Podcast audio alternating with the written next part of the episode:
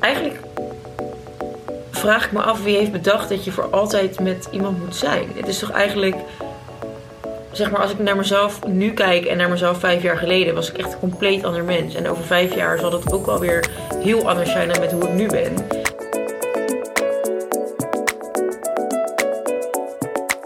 Even snel langs huis, want ik was het vergeten en ik dacht, nu kan ik even lunchen. Uh, pannenkoekjes eten met Nutella.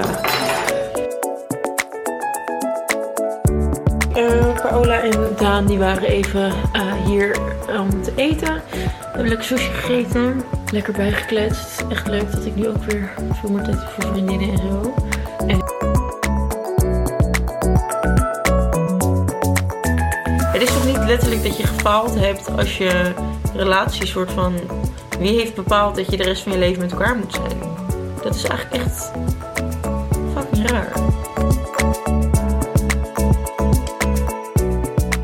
Is het raar dat ik de vlogs van Monica de laatste tijd veel leuker vind? Dat ik meer geniet van de post-breakup Monica, die met vriendinnen in het W hangt, drie keer per week naar de Feunbar gaat en ontbijt met pannenkoeken met Nutella? Op Instagram gaat het altijd maar over couple goals. Maar als ik Monica zo zie, denk ik dat we de hashtag single goals maar eens moeten lanceren. Je luistert naar de Monica Geuze fan podcast en vandaag hebben we een speciale aflevering, een thema-aflevering kun je wel zeggen, over breakups. Ja, de aflevering die je wist dat zou komen is eindelijk hier. Ja, want nadat Doortje deze zomer uh, door een relatiebreuk ging, Monica afgelopen maand, ben ook ik nu aan de beurt. Um, dus we dachten, laten we een speciale aflevering maken. En daarvoor hebben we niemand minder dan Alma Matthijssen uitgenodigd. Hoi Alma. Hallo. En Alma. ook, ook Alma heeft ervaring met dit thema. Het klopt. Ja. Zoveel dat ze er een boek over heeft geschreven. Klopt ook. Uh, ik wil geen hond zijn. Ja. Um, we hebben het allebei gelezen, vonden het echt super mooi. Oh, en, en ook heel herkenbaar. Dus daar Mm. gaan we het gewoon uh, ja, daar gaan we het uitgebreid over hebben. Maar we beginnen altijd met dezelfde uh, vraag. En dat is: uh, wie ben jij op Instagram en wie ben je in het echt? Dus ik heb je even opgezocht. Ja. Uh, nou, je bent Alma Matthijssen. Mm -hmm. Je hebt uh, een kleine 3000 volgers, wat ik toch wel heel uh, indrukwekkend vind. Voor iemand die in principe in, papier, uh, in de papieren wereld werkt. ja, ja. Je bent schrijfster. En ja, dat is ook wat, wel... wat is de bio? De bio is broodschrijfster, denk ik dat je bedoelt. Met een ja, brood-emoji. Ja, ik vind dat heel leuk. en dan staan de titels van je boeken. Dus Ik wil geen hond zijn, Vergeten meisjes, Grote goede dingen. En eigenlijk is het best wel work-related, volgens mij, jouw Instagram. Ja, ik denk het toch wel. En dat schrijfster is ook ergens wel bewust. Ik had een tijdje geleden met, een, uh, met iemand een, een, discussie erover. Dat, of die vroeg, oh ja, zo ging het. Iemand die vroeg vlak voordat ik het podium opging, een presentator die vroeg van, zal ik je aankondigen als schrijver of schrijfster? Mm. En, Oh, en toen ja. was ik zo'n beetje, verstilde ik een beetje, was ik gewoon aan het nadenken. En hij zo, ik zeg wel schrijver, want dat is feministischer. Mm -hmm. En toen dacht ik zo, ja, maar is dat nou eigenlijk wel feministischer? Is het niet juist feministischer, feministischer om schrijfster te zeggen? Omdat, ja, kijk, als je schrijver zegt, dat zou dan een soort van één plakkaat zijn voor Hmm. man en vrouw, voor alles eigenlijk. Uh, maar het blijft gewoon het mannelijke woord. En waarom gebruiken we dan niet schrijfster ja, ja. voor de mannen en de vrouwen? Want dan, nou ja, dan worden waarschijnlijk de Tommy Wieringa's van ons land, die laten zich dat niet gebeuren. Maar wij vinden het dan ineens wel oké. Okay. Dan spreek ik even voor de vrouwelijke schrijfsters. Ja, en ik denk dat ook best veel mannen... Ik denk dat uh, Arthur Japin of zo best wel leuk zou vinden... als iemand hem schrijfster zou noemen. Ja? Nou ja, laten we het doen ja. gewoon vanaf nu. Dan zeg gewoon, dat is het default ja. woord. Ja, ik weet het niet. Ik ben daar ook wel heel erg... Um, ik noem mezelf bijvoorbeeld wel altijd journalist. Ja, niet journaliste. Ja. ja, maar omdat het dus ergens minder waarde heeft in jouw hoofd. Of is dat het niet? Um, ja, ik denk wel dat het zo is dat ik die e erachteraan voelt alsof ik ineens soort van met mijn gender of zo Hmm. wordt Mhm. uh, samen, samenval in mijn werk. Dus dat ik, dat ik het gevoel heb dat journalist neutraler is dan journalisten. Ja, maar het is toch vreemd. Dat ja, je... nee, dat is ook raar nu ik Ja. er zo over nadenk. Um, Want het is niet neutraal, het is het mannelijke woord. ja, dus er zou een soort eenzijdig, onzijdig woord moeten zijn voor iedereen. Zoals chirurg. Daar heb je gewoon geen vrouwelijk woord van, toch? Chirurgen, Ge? is dat niet een ding? Volgens mij niet. Chirurgen. Ja. ik weet niet hoor. Nee, dus Nee. daar heb je maar één woord. Um, ja. Dat is beter.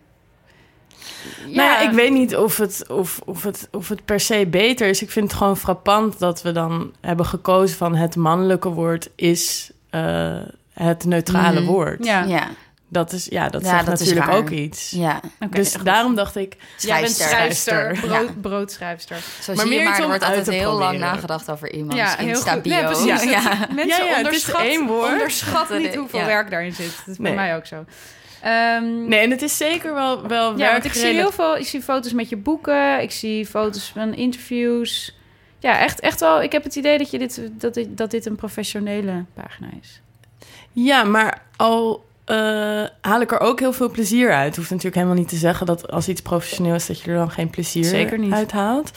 Ehm, maar ik denk wel, ja, het is, het, ik gebruik het wel als een manier... om hopelijk meer lezers te vergaren. Ja. En dan te laten zien hoe dat leven dan een beetje gaat. En ik denk dat... Kijk, nu kijk je naar de posts... Mm. Maar de stories, ja, daar ben ik dan misschien wat speelser. Ja, ja. En heb ik ook iets meer van, oh ja, het maakt allemaal wat minder uit. En gewoon als ik dan zin heb, dan, dan doe ik dat. Het gaat bijna zonder dat ik er heel erg over nadenk. Maar ook daar denk ik wel een beetje van, ja, het leukste zijn misschien wel dan de literaire dingen of zoiets. Ja, en hoe, en hoe gaat dat leven dan? Wat we, wat je Nou ja, bijvoorbeeld dit weekend of zo, dan moet ik optreden bij eh Wintertuin Festival. Oh ja. En dan Dat is in Den Haag, toch? Ja, Ja. dan vind ik het toch heel leuk om even Thomas Verbocht, mijn oude leer- leraar met wie ik dan daar moest optreden, eh, even te filmen en vragen wat hij in zijn tasje heeft zitten. Ja, en dan gaat ja. hij gewoon heel schattig laten zien wat hij in zijn tasje heeft. En Oh. dan komen er een paar boeken uit, maar ook een biertje voor op het podium. Ah. Ja, dat vind ik dan gewoon heel lief. Oh ja, oké. dus je, ma je maakt er ook wel echt werk van in de zin van dat je denkt... ik ga nu even iets filmen en iets vragen. Ja, maar het leuke daaraan vind ik dan ook dat zo'n moment was niet gebeurd zonder Instagram. Mhm. Dan had ik nooit gevraagd van... hé, hey, wat zit er eigenlijk in dat tasje Ja. of zoiets. Dat is omdat ik dan op dat moment ga filmen. Ja, precies. en dan had je Ehm, nooit dus geweten van dat biertje wat hij meenam. Nee, Ja. precies. Dus in die zin word je ook socialer van Instagram. Ja, ik, wil, Ja. ik vind dat het flauw om alleen maar te zeggen zo van... Mhm. het, het, het legt een soort enorme druk op ons. Het geeft me ook heel veel plezier. En ook eerlijk gezegd, nu met het boek... eh, krijg ik heel veel berichtjes via Instagram. En dat, ja. Ja. dat, mensen weten je wel te vinden. Dus dat maakt het wel ja, leuk gewoon. Ja, mooi. Cool. Ja, je boek, daar gaan we het over hebben. Want het was natuurlijk helemaal on-brand voor, eh, Ja. voor, voor, voor onze eigen levensfase. En de, de fase van Monica ook. Want Monica en eh, Lars zijn dus net uit elkaar. En dat was grappig trouwens. Wij kwamen elkaar tegen bij Café Restaurant Amsterdam afgelopen Mm. week. En zei ik van, oh, Alma, ik heb zo zin in de podcast en zo. En zei ja, dus het is dus ik, Monica en jullie. dus ik moest jou toen even nog een kleine teleurstelling eh, bezorgen. Dat leek me echt ook zo leuk. Ik bedoel, ik vind dit ook heel leuk. Maar dat leek Ja. me ook wel echt heel fantastisch. Had ons ook heel leuk geleken, denk ik. Ja, toch? Monica, als je luistert. Ja, ja, je bent nog altijd eh, zeer welkom. Want Monica heeft natuurlijk een, een break-up vlog gemaakt. De eerste vlog dat Ja. ze Shit, ik heb het alleen niet was. gezien. Ja, we gaan je bijpraten. Oké. Het was wel Ja. echt heerlijke content. Nou, het toch? was wel, ik, ik was wel echt heel erg gefascineerd weer door haar. En eh, ook wel dat ik dacht, jezus, dan ben je net uit elkaar met je vriend en dan... Ja, meteen de eh, camera aan. Nou ja, bijvoorbeeld, ik zei net, van, net toen we aan het voorbereiden waren... ik zei, joh, we moeten eigenlijk even een, eh, een story opnemen voor onze Instagram. Want ik probeer onze Instagram als een soort van leven in te blazen... maar dat lukt ook niet altijd. En zei alleen ook echt, nou, daar heb ik echt geen zin in. En dat begreep ik heel goed. ja. Maar als je zo iemand bent als Monica, dan moet je wel of zo. ja, maar ze is het ook gewend. Dat ze, ja, ik denk dat ze ook niet weet wat haar ervaring is als ze het niet filmt. Bedoel, Ja. Zij filmt vanaf dat ze 19 is Dus of zo. een deel van haar ervaring ligt in het filmen. Van, dat denk ik. zou Want kunnen, toen het net uit was, het eerste wat ze deed was een camera pakken. Ja. Ja? Ja, Ja, dat weet je natuurlijk niet. Je weet niet Ja, dat zei ze. ja. Ik, ik ben net eerst gaan opnemen en ik ben opnieuw begonnen omdat ik alleen maar kon huilen. Ja. Gewoon wel echt in de middel. ja, en gewoon inderdaad ook meteen zo'n post online moeten zetten van... eh Ja, maar ik snap niet hoe ze dat uit doet. elkaar. Want zo van, ik zag berichtjes terug die, ik- die ik stuurde naar vrienden nadat mijn vriend het net had uitgemaakt. En het stond vol spelfouten, echt totaal warrig, delusional. Ja. Hoe kan je dan sens maken op dat moment? Dat, Maar dat maakten ze dat? Was dat? Of kwam ook wel over in de... Ja, het kwam Ja, best wel redelijk over.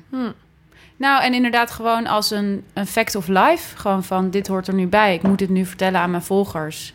Ehm, maar ik snap dat ook wel. Want ik bedoel, die zien de hele tijd die gast Ja. in beeld. En opeens is hij er niet meer. Ja. Dus dan is het wel een beetje van, oké, wat, wat is er gebeurd? Maar ziet ze haar volgers niet ook als haar beste vrienden? Of hoe, ja, ik weet niet hoe dat werkt voor haar, maar dat dit gewoon ook überhaupt gewoon haar reflex is. Van, Ja. ik ga daar, ja, ik moet dat nu aan hun vertellen, want zo, han, zo ga ik om met mijn emoties, überhaupt. Nou Ja. ja. dat denk ik wel inderdaad. En wat jij ook zegt, Leen, dat het voor haar manier van verwerken misschien ook is. Dus op het moment inderdaad dat je altijd eh, deelt met veel mensen... of altijd tegen Mhm. een camera dingen vertelt... wordt dat een vorm van...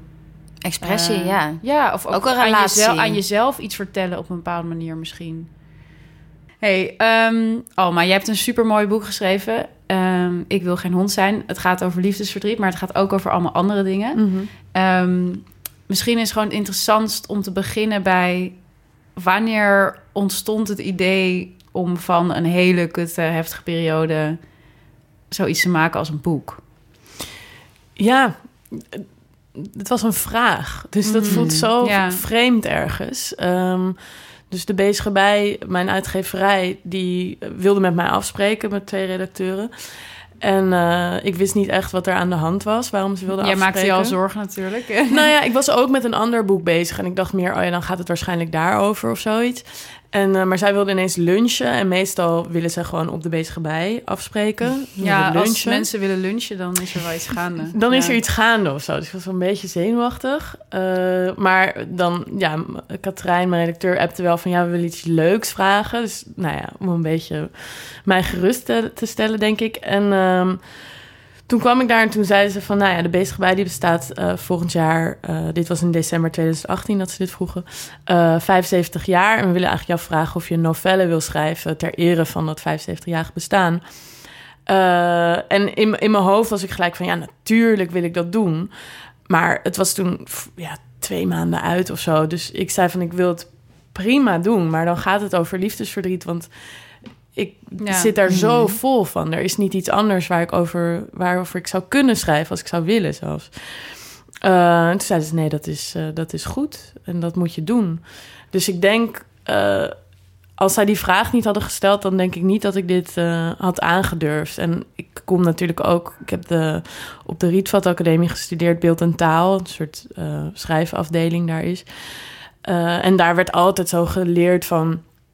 Eh, je moet afstand tot je onderwerp hebben. Ja. Je moet er pas Mm. over schrijven als je eh, er iets zinnigs over weet te zeggen. En dat gebeurt pas na vijf jaar, soms pas over tien jaar. Weet ik 60 veel. jaar. 60 jaar, Ja. weet je wel, wacht tot je 80 bent.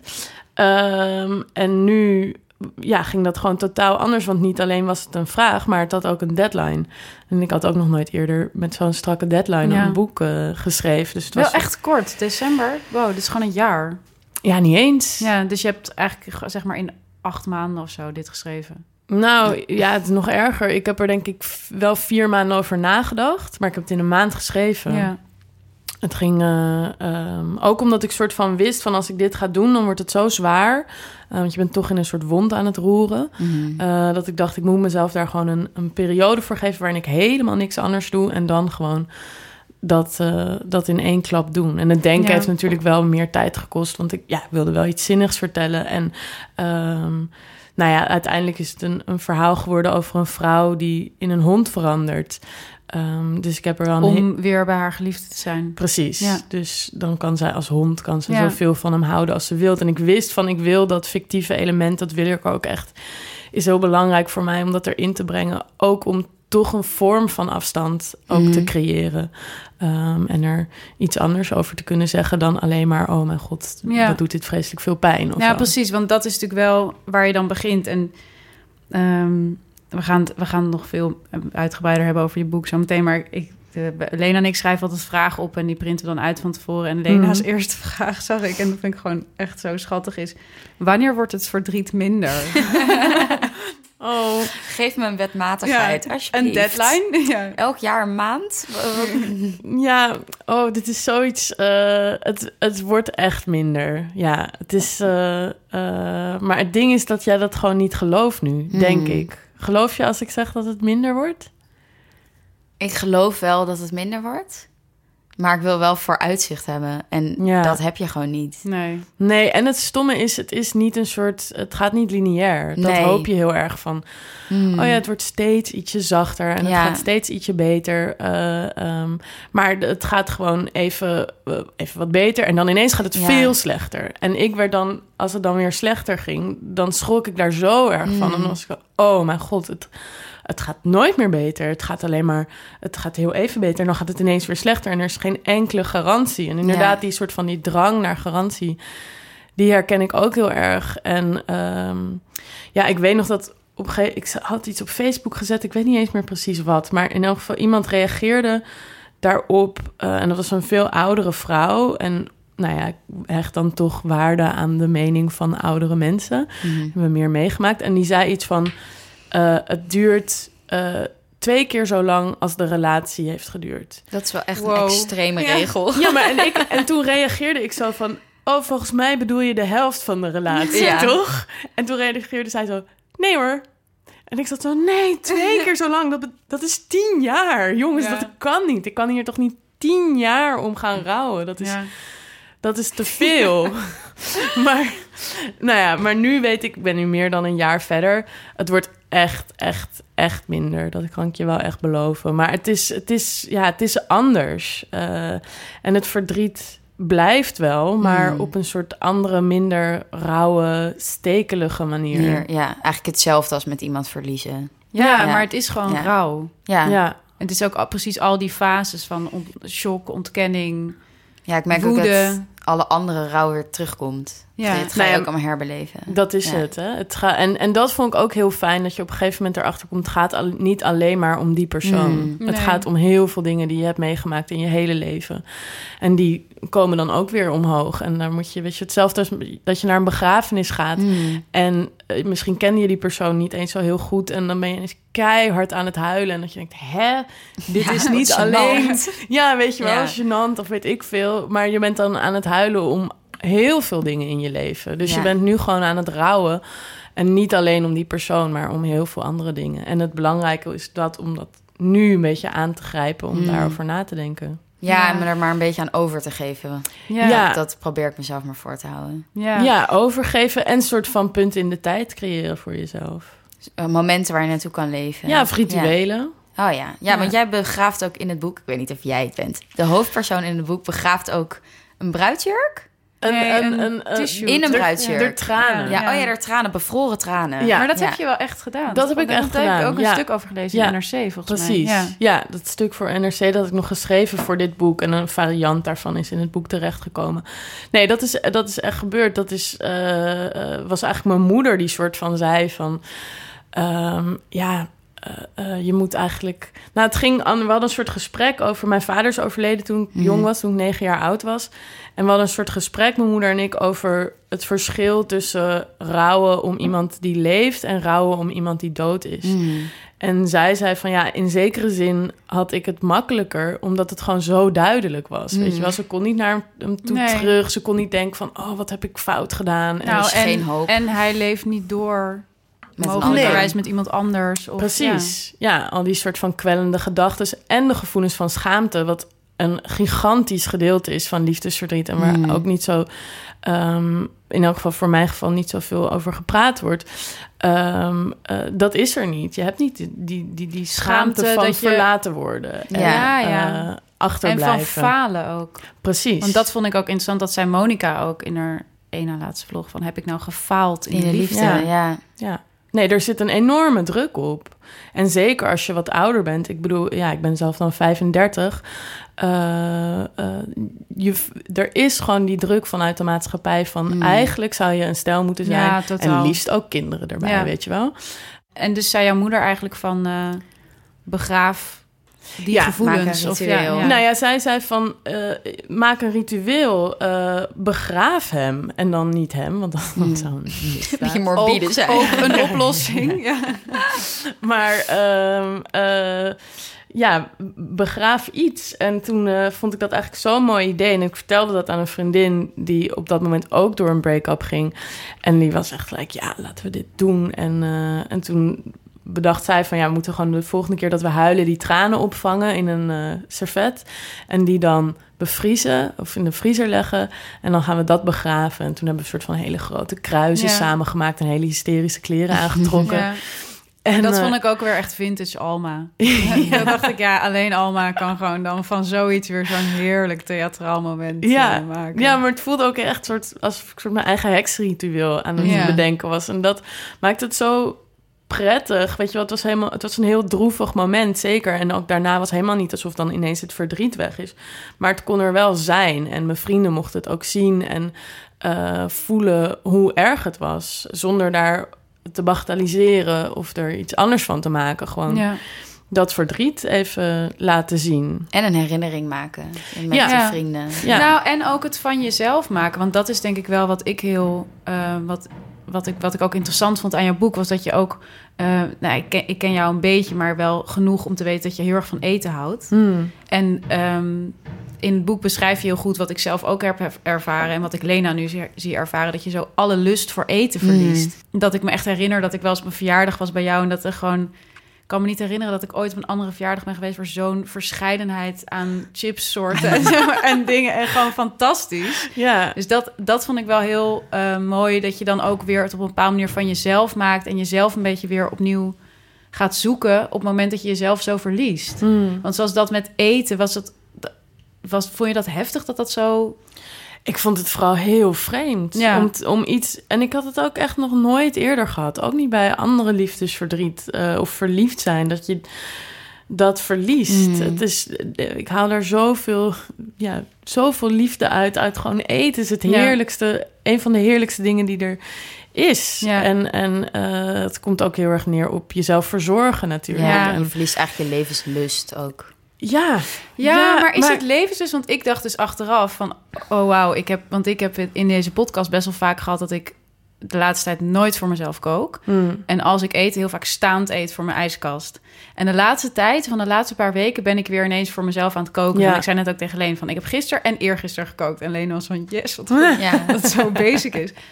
En dacht ik achteraf van, ik heb gewoon live verslag gedaan van dat verliezen van die uh, ja. vorm van voor mezelf zorgen eigenlijk. Ja, precies. Nou ja, en het gekke was bij mij tegelijkertijd beleefde ik ook weer andere dingen die, die juist heel waanzinnig en, en, en, en vreemd waren. Ik haalde ineens weer vrienden omhoog die ik jarenlang niet had gezien en uh, uh, waar ik heel veel plezier juist mee heb beleefd. Maar dat eten viel dan gewoon even hmm. soort van weg. Was, dus het is niet soort van dat die periode alleen maar was dat ik helemaal niet voor mezelf kon zorgen of alleen maar heel droevig was. Uh, het was heel intens. En dan ja, dat eten, dat, dat viel weg.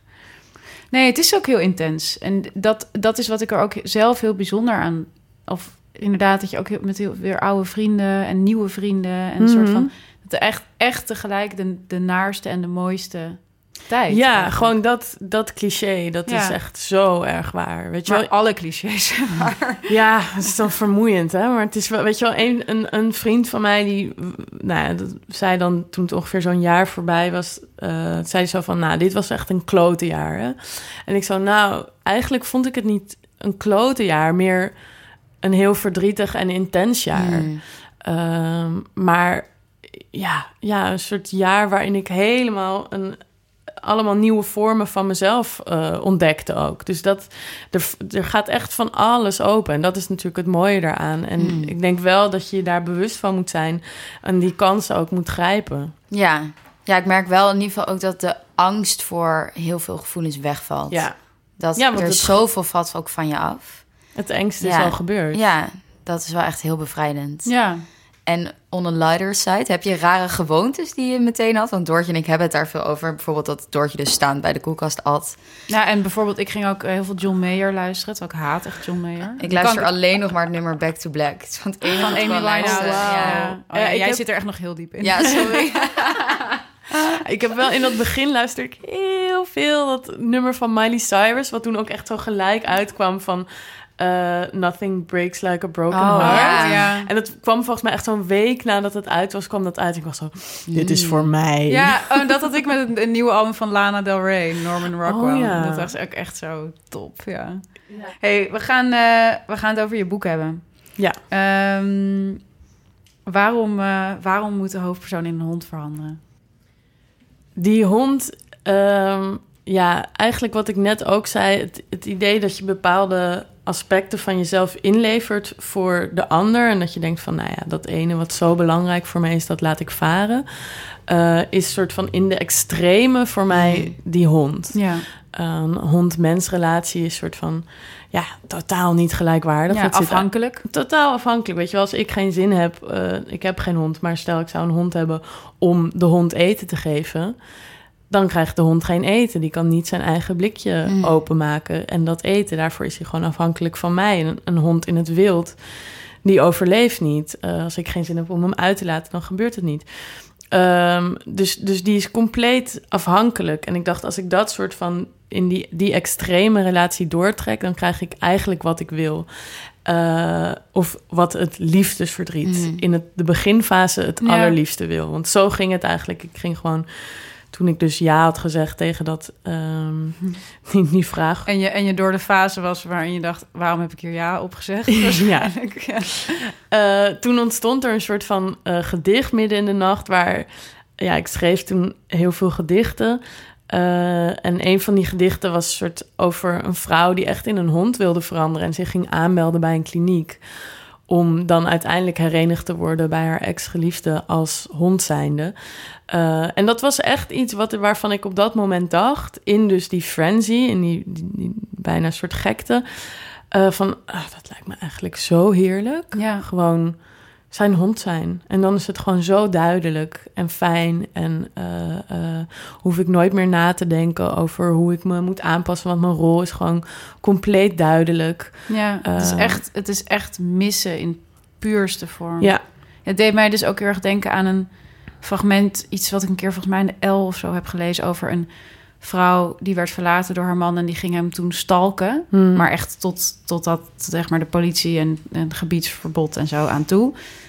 En uiteindelijk is ze toen een keer s'nachts naar zijn huis gegaan en is ze voor de deur gaan liggen slapen. Omdat dat de Hmm. enige plek was waar ze kon ontspannen.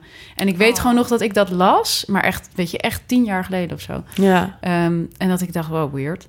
En toen mijn relatie uitging, kon ik me dat ineens heel goed voorstellen. Dat je gewoon denkt, waar moet ik slapen? Weet je, waar, waar, waar, waar vind ik nog die fysieke rust? Ja, ik weet nog dat bij mijn eerste vriendje, toen dat uitging, eh, toen zag ik hem pas drie weken of zoiets nadat het uit was, zag ik hem terug en toen omhelsde hij me en ik was echt zo, oh, Ja. dit, is, dit voelt zo goed, ik kan eindelijk ontspannen. Ik vond het ook een heel mooie vanging van de zeitgeist. Dat je gewoon naar een kliniek kon gaan om Ja. te zeggen... ik wil Ja, graag hond worden. Los het op. Ja. Nee, maar echt, want we leven natuurlijk toch zo, zo soort in een wereld die gewoon heel of in elk geval ons verteld wordt dat het ontzettend maakbaar is. Mm. En eh, dat als je gewoon eh, lekker ervoor gaat vechten en hard eraan werkt, eh, dan, dan kan je alles krijgen wat je wil. En dat is ook wat, nou ja, gewoon wat ons, ons beloofd wordt. En in de liefde werkt dat gewoon niet zo.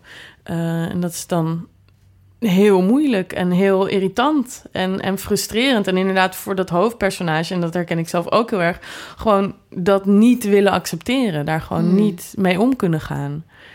En uiteindelijk, ja, het is natuurlijk een dystopie, het verhaal. Het is geen goed idee om... eh, Of vind jij het nog een utopie, Leen? Nee, nee.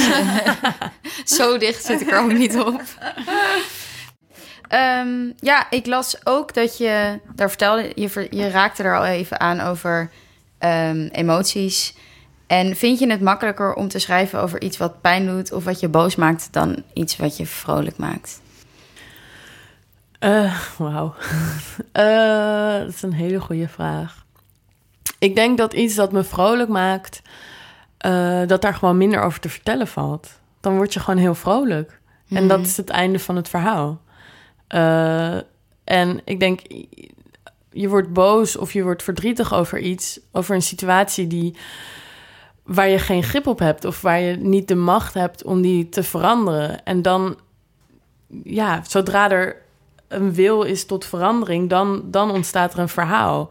Hey, ik vroeg me ook af ehm, of je vaak de vraag hebt gekregen ehm, of het nou therapeutisch was om Ja. het boek te schrijven. Heel vaak. Wat vind je daarvan als je die vraag krijgt? Ehm, irritant. Ja, kan ik me voorstellen. Ja. Ja, want het blijft natuurlijk toch gewoon een boek. En eh, het is een verhaal over... Tuurlijk, ik heb heel veel elementen uit mijn eigen leven gebruikt. En ik heb ook in die zin mezelf als een soort laboratoriumrat gebruikt. Maar het blijft eh, eh, fictie. Het is een verhaal over een vrouw die in een hond verandert. Dus in die zin... ehm, ja, is die vraag... Ja, ik bedoel, ik snap wel als mensen hem willen stellen, maar ik zou er zelf niet mega in geïnteresseerd zijn.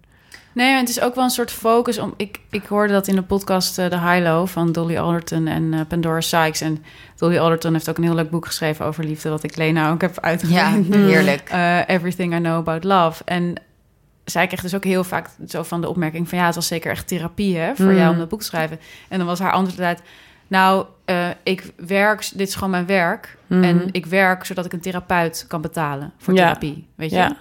Dus, en ik heb wel het idee dat, dat, dat mensen daar op de een of andere manier wel lekker op gaan of zo. Ook dat lijden. En ik had het ook een beetje bij het interview met jou in de Volkskrant... dat dan begon met dat je het gevoel had dat je dood was gegaan tijdens het schrijven. En het is natuurlijk ook een keuze om een interview zo, zo op te schrijven en zo te beginnen. Dat ik dacht, oké, boeiend dat het zo zwaar was. Maar ik ben eigenlijk gewoon wel benieuwd naar het boek. Ja, nou ja, dat ben ik helemaal met je eens. En ik denk dat er ook zeker een soort verwachting van onze kunstenaars en onze schrijvers uh, uh, ligt van dat.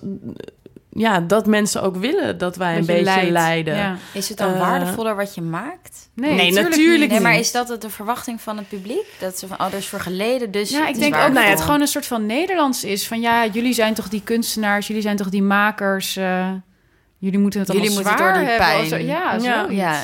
Jullie krijgen toch al die subsidie? Ja, ja, zoiets. Nou, en ik weet niet eens per se of het iets Nederlands is. Want het is natuurlijk ook een soort gewoon een romantisch beeld... wat vanuit de Mm. Ja, 19e misschien, eeuw ja. soort Ja. van... eh, eh, op ons werd gedrukt van, de, van, de- van die leidende kunstenaar. Je ziet het volgens mij overal wel terug. En eh, ehm, ja, dat kunst dan niet echt waar zou zijn als er niet voor geleden is, daar geloof ik helemaal niet in. En volgens mij heb ik ook, kijk, dat dit boek toevallig zo ontstaan is, dat is gewoon omdat ik überhaupt eh, iets ging maken tijdens een hele zware periode. Ja. Eh, en tuurlijk was het zwaarder omdat ik, nou ja, ook dat, die pijn ging beschrijven. Eh, maar ik denk dat als ik een ander boek had geschreven met een ander onderwerp, was het ook heel moeilijk en ook heel zwaar geweest. Ja. Ehm, dus ja, maar ik vind het wel heel interessant inderdaad waarom, waarom we daar zoveel focus op leggen. En als iemand gewoon inderdaad zegt van, nou ja, dit is mijn werk en eh hoeveel ja, je bent ik daar... gewoon eh, broodschrijfster. Ja, ja, ja, ik moet ook gewoon mijn geld ermee Ja. verdienen. En ik ga naar therapie. Ja. Dus dat, en dat helpt me enorm. Dus en, en, en daar wordt dan niet naar gevraagd. Dat zou Maar dan... zou je dat willen? Dat daar Nee, natuurlijk niet. Nee, maar snap je, dat Ja. is het om even aan te Ja. geven hoe vreemd het is. Zo Ja. van, ze willen wel dat dit boek dan... Of, ik heb eerlijk gezegd het idee dat als mensen daar vragen... dat ze eigenlijk willen horen...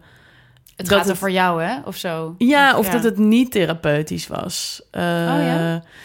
Ja, eerlijk gezegd ze- heb ik dat meer het gevoel Ja, ik dat heb wel mensen... het idee dat mensen echt geobsedeerd zijn met de mate van autobiografisch Ja. Absoluut. van een werk. Dat is echt wel, eh, echt wel extreem. Dat, Mm. Ik las nu ook een interview met eh, Noah Baumbach in de New York Times... die net Mm. Marriage Story heeft eh, Ja, gemaakt, die film. Ehm, dat hij ook zegt van ja, iedereen vraagt nu aan mij van hoeveel procent eh, van je Ja. eigen huwelijk is Ja. dit?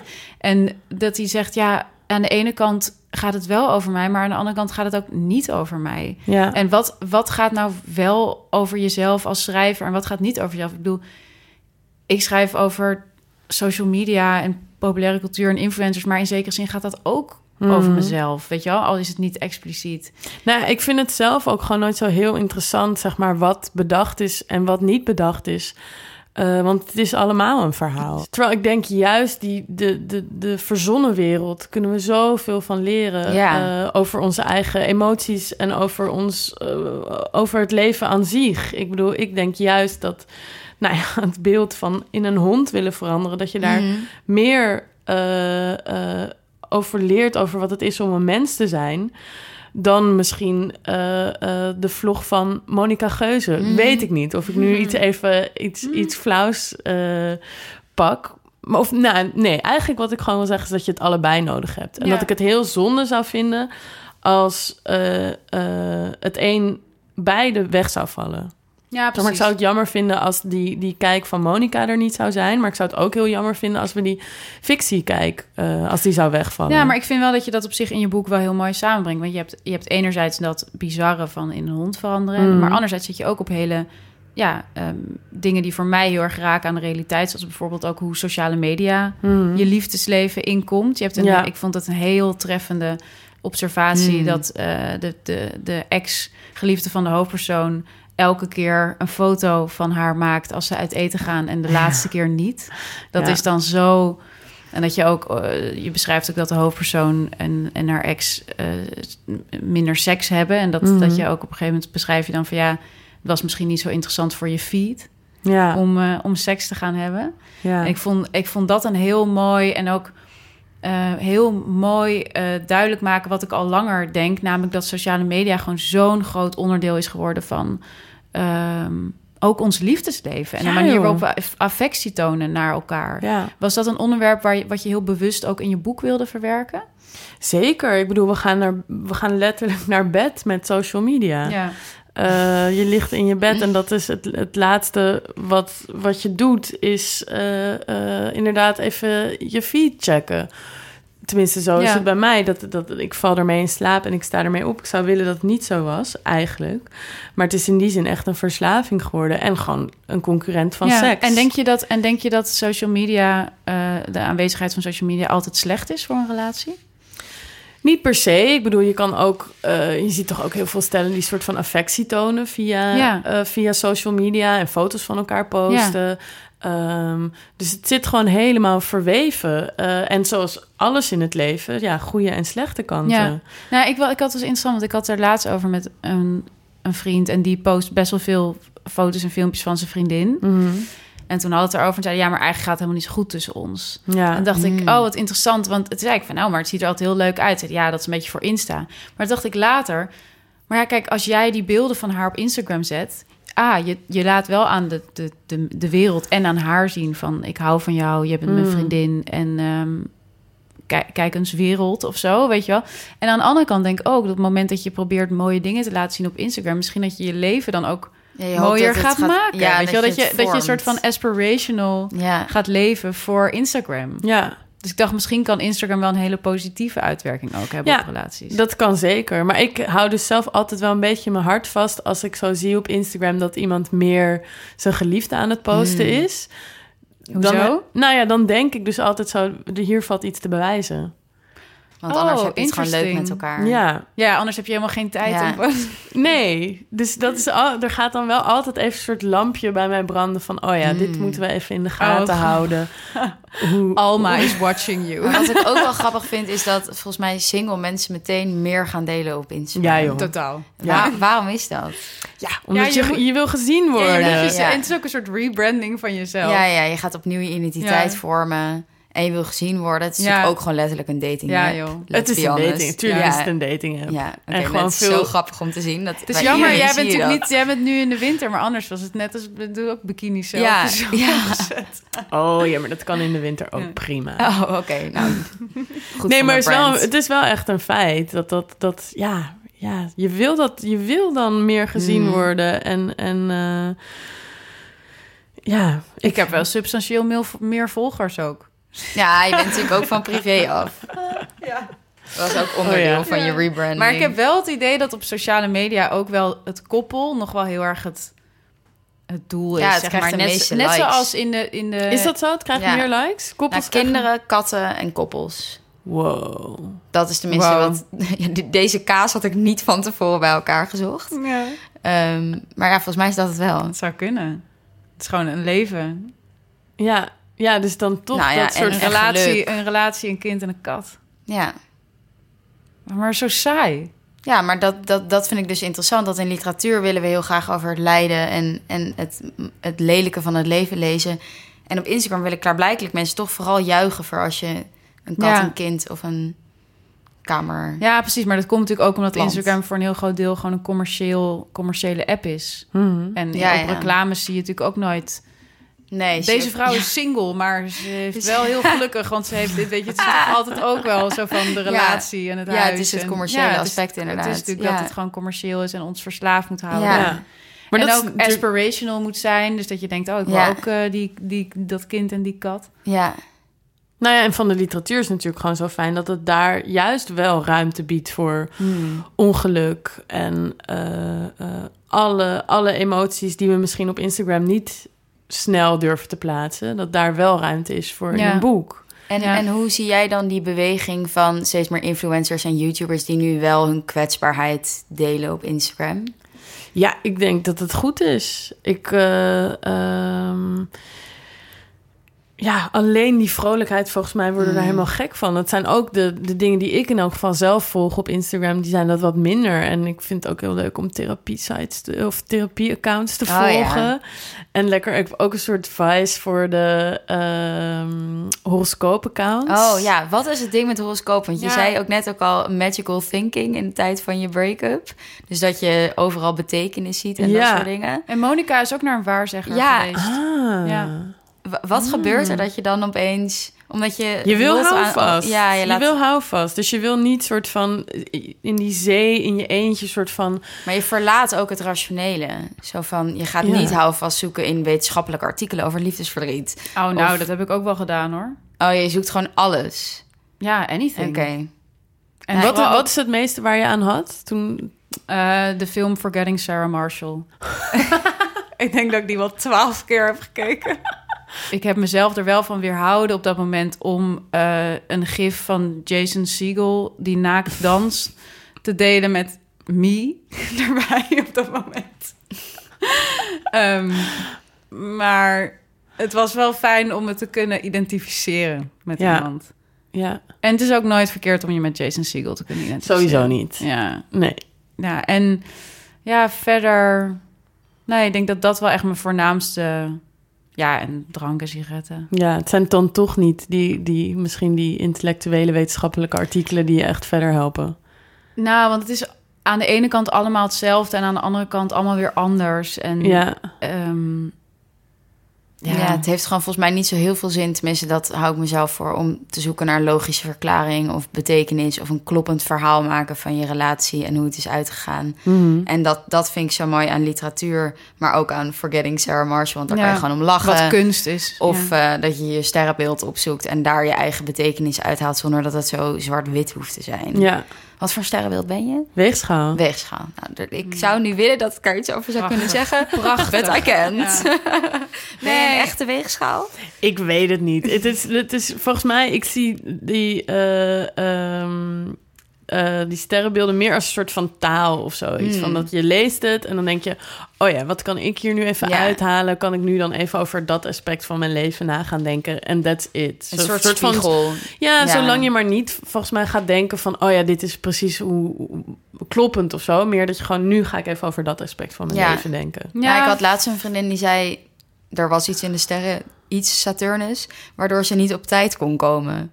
En dan denk ik wel... Oh, ja. Dan laat je Ja, wel die je leven heerlijk- vormen door Ja. hoe de sterren staan. Dat vond ik wel heftig. Ja. ja, nou ja, heel veel mensen gaan daar wel echt in mee. Ja, Ja. Nou, weet je waar ik trouwens wel heel veel over heb, heb gelezen in die tijd... is ehm, over vriendschap. Mhm. En vrouwenvriendschap in het bijzonder. Ehm, want dat was wel iets wat ik, wat ik wel heel erg ervoer of zo. Dat je op het moment dat een relatie uitgaat... Je hebt, ik had heel erg het idee dat ik nog evenveel liefde in mijn lichaam had... maar dat die gewoon naar andere kanten ging. joh. Dus dat, ik zei ook steeds tegen Lena van... ja, Leen, ik heb nu een relatie met jou. En volgens mij heeft Leen nu pas zoiets van... oh ja, ik, ik ben ook wel op jou of zo, weet je wel. Oh, maar, maar, maar dat je gewoon... eh, ik voelde gewoon zoveel liefde voor mijn vrienden. En ik merkte dat ik ook dat ook steeds meer kon toelaten. En, Mm. en ook bijvoorbeeld... ehm, ik zie ook nu, hoe ik nu mijn vriendinnen benader. is eigenlijk heel relatieachtig. Dus Mm. ik app bijvoorbeeld vriendinnen ook... als ik met ze heb afgesproken van... ik heb zoveel zin om je te zien. Ik kan niet wachten Ja. tot vrijdag, weet je wel. Terwijl ik, eh, eh, ik denk van ja, dat kan ook zo van borderline psychotisch overkomen. nou, maar nee, dat doe ik altijd Is het niet vrienden. juist veel meer dat je soort van nu op een... eh, eh, dat je ook ziet hoe waardevol die relaties Totaal. zijn. En dat je gewoon meer doorhebt van... oh ja, dit is zo erg iets waar, waar, waar- wat zo belangrijk voor me is... en dat je dat misschien een beetje uit het oog verloren bent... Ja, als je in een relatie zat. Ja. En je hebt ook een boek geschreven, toch? Over vriendschap Ja, met een vrouw. ja, ja, vergeet de meisjes. En dat ergens, daar moest ik ook aan denken. Dat ik het zo grappig vind dat ik dat boek tijdens een relatie heb geschreven. Ja. Eh, eh, bijna als een soort boodschap aan mezelf nu of zo. Van, Mm, oh ja. ja.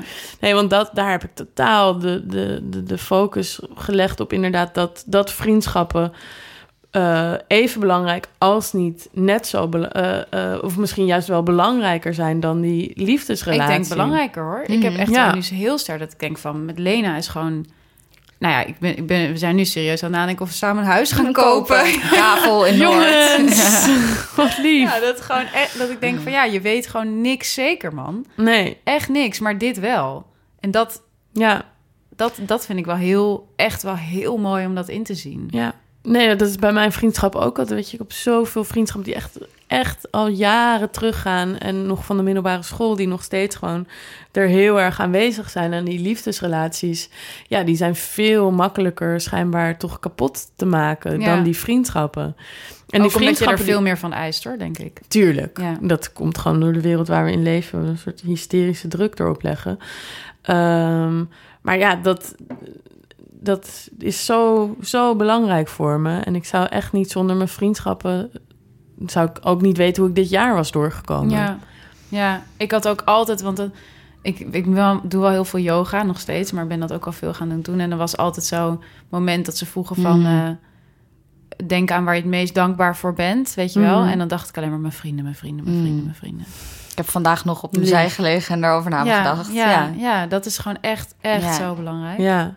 Ik zou ook echt liefdesverdriet hebben als ik niet meer bevriend met jou zou zijn. Maar dat is sociaal dan helemaal niet geaccepteerd. Nee, raar is dat. Ja, dan niemand zegt dan, oh, vervelend. Je kan even een dag niet werken. Ja, inderdaad. Maar stel nou dat wij gewoon echt oprecht zouden gaan zeggen van nee, we hebben verkering met elkaar. Ja, zonder seks. Of met. Ja. Doe het. Ah. Kennen jullie Leni ja, inderdaad, inderdaad zou inderdaad de helft van de mensen aan wie je het vertelt zou denken, oh geil. En de ja. andere helft zou denken, oh weird. maar kennen jullie Leni de Zwaan? Nee. Zij is zo'n uh, singles-activiste. En ze is, ik denk nu inmiddels al ergens in de tachtig. Misschien nog wel ouder. En zij is er dus voor aan het vechten dat um, je vriendschap kan vastleggen mm bij oh, wet. Ja, daar heb ik wel over gehoord. Ja, ja. ja dus dat je een soort van kan trouwen. Ja, een soort van sociale familie dat je die kan laten vastleggen. Omdat er gewoon in onze uh, wet gewoon nog zoveel uh, verschillen worden gemaakt tussen uh, single mensen en mensen in een relatie. Ja. Weet je wel, je kan bijvoorbeeld niet op dezelfde manier erven. Ja. Stel, een van jullie komt te overlijden ja. en je wil je geld aan Doortje geven, dan moet Doortje daar heel veel belasting over betalen. Terwijl als jullie getrouwd zouden zijn, dan is dat helemaal niet aan de hand. Terwijl je, jij gewoon je geld aan iemand wil geven. Nou ja, bijvoorbeeld dat soort dingen is zij voor aan het strijden, dat dat dan uh, op een gelijkwaardige manier gebeurt. En zo zijn er dan nog heel veel andere manieren. Ik was dus ook, toen het net uit was, was ik zo naar een uh, dag gegaan die zij dan had georganiseerd voor single mensen. Heerlijk dat je daarheen bent gegaan. Dat was echt, volgens mij was het een week uit en het stond al maanden of zo. Ik zei, oh my god, nu moet ik Oh, je had het al gepland en je wist Ja, het joh. Oh, wow. Ja, ja. Nee, omdat ik ook haar uh, heel veel met haar gepraat heb voor uh, Vergeten Meisjes. En hadden zij gevraagd van, wil jij haar uh, een bos bloemen uitreiken op die dag? En ik zo, tuurlijk wil ik dat doen. Dus ik daarheen en het was het net uit en het was een soort van zo heftig confronterend om in een zaal te zitten met zo nou ja, honderd mensen die allemaal single waren en waarschijnlijk wel allemaal ook veel ouder dan ik. Uh, en dan hadden we het echt over dingen als um, uh, dat je als single uh, dubbel zoveel betaalt voor ja. een tv. als je een tv, Zo? nou ja, als je samenwoont en je koopt een tv, dan uh, uh, betaal je, weet ik veel, ik weet niet hoeveel hmm. een tv kost. Uh, nou, überhaupt ja. wonen in Amsterdam ja. kan eigenlijk niet. Ja, dat je gewoon op zoveel manieren dubbel zoveel betaalt. Of ja. als je een hotelkamer boekt, dat je dan in je eentje eigenlijk net zoveel betaalt als met z'n tweeën. Ja. Allemaal van dat soort dingen. Nou ja, was voor mij een beetje heftig die dag. Ja. Kan me voorstellen. Um, maar sowieso van, is het best heftig om je ineens weer te moeten identificeren met het predicaat single. Ja, nou ja, en dat vond ik wel heel vet van nu dan uh, uh, Emma Watson. Ja, die zichzelf self-partnered. Ja. Ook een beetje wel braak, hoor. Nou ja, ik vind het gewoon een hele lelijke, heel lelijk woord. Maar ik zie wel de kracht in van een ander woord gebruiken. Want single, of in het Nederlands dan alleenstaand... Ja, er zit toch een soort... Ja, vrijgezel ook vreselijk. Um, ja, er zit een soort predicaat aan vast. Er, er zit iets aan moet van opgelost het moet worden. opgelost. Ja. Precies. En sowieso ervaar ik dat zelf wel, uh, wel heel sterk. Van, ik, ik ben nu echt helemaal happy gewoon met mijn alleen zijn en alleen wonen en alles. Mm. Maar ik merk dat hoe mensen op mij reageren en ook op, op, op dan dat gegeven reageren, is zo van. Oh, maar je bent zo knap. Je vindt echt wel snel weer een vriend. Of Ja. van, eh, oh, maar wacht maar, want eh, binnenkort is dat feest. En dan is dat... En dat ik echt denk, oké, maar misschien niet. En dat is dan toch ook oké? Ja, Is dat, voel jij dat zo, dat het moet worden opgelost? Zeker. Ja, nou ja, dat, wat ik heel leuk vind, is ook zo'n hele leuke quote van Leni de Zwaan... die dan zegt van, er is niks mis met alleenstaande... alleen weet ze dat zelf nog niet. En dan zou ik er graag aan toe willen voegen... een soort van, de maatschappij weet het ook nog niet. Ja. Ehm, maar wacht, wat was je vraag nou? Of ik dat zelf ook zo voel? Ja. Ehm, volgens mij wel. Kijk, je ontkomt er gewoon niet aan. We zitten in deze wereld. Dus ook ik denk vaak van... ja, ik zou eigenlijk gewoon liever, liever wel met iemand... terwijl het volgens mij eigenlijk helemaal niet zo goed voor mij is Want voel op je, dit je nu, moment. voel je je nu beter of minder dan als je zeg maar vergelijkt met twee jaar geleden of zo? Toen ik nog in die Ja. relatie zat. Ehm, ik voel, ja, er, zijn, er is gewoon zo vreselijk veel gebeurd in dit afgelopen jaar. En dat zou ik nooit willen veranderen. Dus zeg maar het feit dat dit boek er is. Hmm. Eh, nou, ik heb ook nog twee andere boeken eigenlijk geschreven in dit jaar. Wauw. Ehm, Nou, is ook herkenbaar voor jou door. Jij bent ook echt hyperproductief. Niks anders te doen. ja. ja, nee, maar dat is. Je hebt ineens een soort zee van tijd en je kan helemaal doen wat je zelf wil. Mm, ja. En eh, ook een soort. Ja, klinkt dan een beetje niks, zeg maar toch ook een soort hele nieuwe kledingstijl die ik dan interessant vond. En ook Ja. een soort eh, allemaal nieuwe. eh, Wat is je nieuwe manieren. kledingstijl? Nou ja, gewoon wat flamboyanter, wat meer. Ja. eh, eh, Grappig, ik ben dus juist meer basic geworden. Grappig, ja. dat is inderdaad grappig. Nee, ik ben juist echt meer flamboyant en meer ook meer uitgaan en Ja. meer soort gewoon wat wilder. Ja. Terwijl ik dat volgens mij juist altijd in me had en het was gewoon een beetje ingedut. Maar, maar heb jij ook dat je heel vaak denkt van... wat deed ik dan toen al die tijd? Want ik denk Ja. nu van, ik ga meer uit, Ja. ik werk meer... ik ga de hele tijd lunchen met mensen. Ja. Ik ben, En ik heb ga- nog steeds en tijd ik heb nog over. steeds dat ik soms op de bank zit en denk... oké, en nu? Weet je wel? Nee, je verhouden tot een ander kost echt vet Ja, veel tijd. Oh, ja, het kost zoveel echt tijd. ongelooflijk. Ik merk het nu ook. Ik heb echt zeeën van tijd. Ja, jij appte me vanochtend ook van, eh, kan je een uur eerder? Ja, maar ik ben ook wel echt bizar vroeg wakker nu. Maar ja, gewoon echt mega veel tijd. Dus ik loop nu overal maar heen om gewoon Ja. wat de tijd te vullen. Ja, En lopen is sowieso echt een goede bezigheid. ja. En ja, dan dus ik, back to black op repeat. dat is Oh. ook goed. Nou, Ja. ik had die eerste maand dat ik gewoon elke dag naar de sportschool ging. Oh ja. ja. gewoon echt? elke dag. Ik ben juist, juist helemaal kan ook echt met, niet eh, sporten. gesto- gestopt met sporten. Ja, ik sportte daarvoor niet. Oh, oké. Ja. Dus dat is dan jouw switch. Ja. Ja. Ja, ja. Maar ik ben er ook na een maand weer mee gestopt hoor. Oh, ja. Het was gewoon zo één maand en dan was Even het helemaal leuk. zo: hey Alma. En toen was ik weer weg. En toen dacht je ook tijd om te gaan. Ja, ja, bye. Hey, wat ik ook wel heel vet vond aan, ehm, aan jouw boek... is dat het zo eh, inderdaad met die samenleving... die zo heel erg in stellen werkt... En dat, het, en dat met het oplossen van problemen... wat ik ook zelf heel erg heb gezien bij films als The Lobster en zo. Weet je, dat Mhm. ik... Wat ik zelf vaak denk is... eh, en daar schrijft Alain de Botton ook over... En, eh, en nog ook wel wat andere mensen volgens mij... is dat het zo raar is dat we in deze samenleving... zoveel maakbaar en meetbaar maken... maar met wie we eigenlijk kinderen krijgen... of, of, of, of een relatie beginnen Mm. Wat toch gewoon een hele belangrijke levenskeuze is, dat laten we echt zo afhangen aan ja, soort van toeval Ja, en geluk. roman- En het En- algoritme van Tinder. ja, oké, misschien het algoritme van Tinder, maar uiteindelijk ook aan gewoon onderbuikgevoelens, Ja. eh, lustgevoelens, die allemaal super niet rationeel zijn. En eigenlijk hoe raar dat is, dat we in zo'n rationele samenleving leven. Ja, en dat we dat, nog accepteren. ja, dat we daar nog allemaal mee meegaan. En ik dacht dus de laatste tijd van ja, moeten we niet gewoon terug naar een soort Uithuwelijken, ja, ja, ja. da- Daar heb ik heel veel over nagedacht de laatste tijd. Dat ik dacht van, dat is toch veel efficiënter. Je hebt ook een programma, hè? Married at First Sight. En er worden mensen aan elkaar gekoppeld op basis van de wetenschap. wetenschap. En dan trouwen ze Ah. dus het moment dat ze elkaar ontmoeten. En het is zo interessant Maar wat is om de te wetenschap kijken. dan? Ja, je pheromonen, je DNA, dat soort dingen. Kijk eens of dat bij elkaar Nou ja. past. Maar ze kijken ook gewoon naar je sociale afkomst en waar je woont. Of je en biologisch past. Of biologisch, Ja. maar ook sociaal. Ja, ja, ja. En, En maar- eh, en? opleidingsniveau. En? Nou, wat je vooral ziet is dat mensen zich gaan gedragen naar wat ze denken dat de verwachtingen van een huwelijk met zich meebrengt. Mm. Dus dat je al dat ritueel samen doet. Daardoor mensen voegen zich al naar dat, dat ze willen dat het werkt, omdat ze dat moment al hebben gehad met al hun familie erbij en samen in een hotel gaan slapen en samen op vakantie gaan. En je ziet dat mensen het echt zo proberen en dan na drie weken echt totaal vervreemd Oh. denken: oh, ga weg, vieze engert. Oh, dus het werkt zo niet. meteen intiem. Ja, sommigen wel, die zijn nog steeds bij elkaar. Ja. Zo één op de vijf of zo.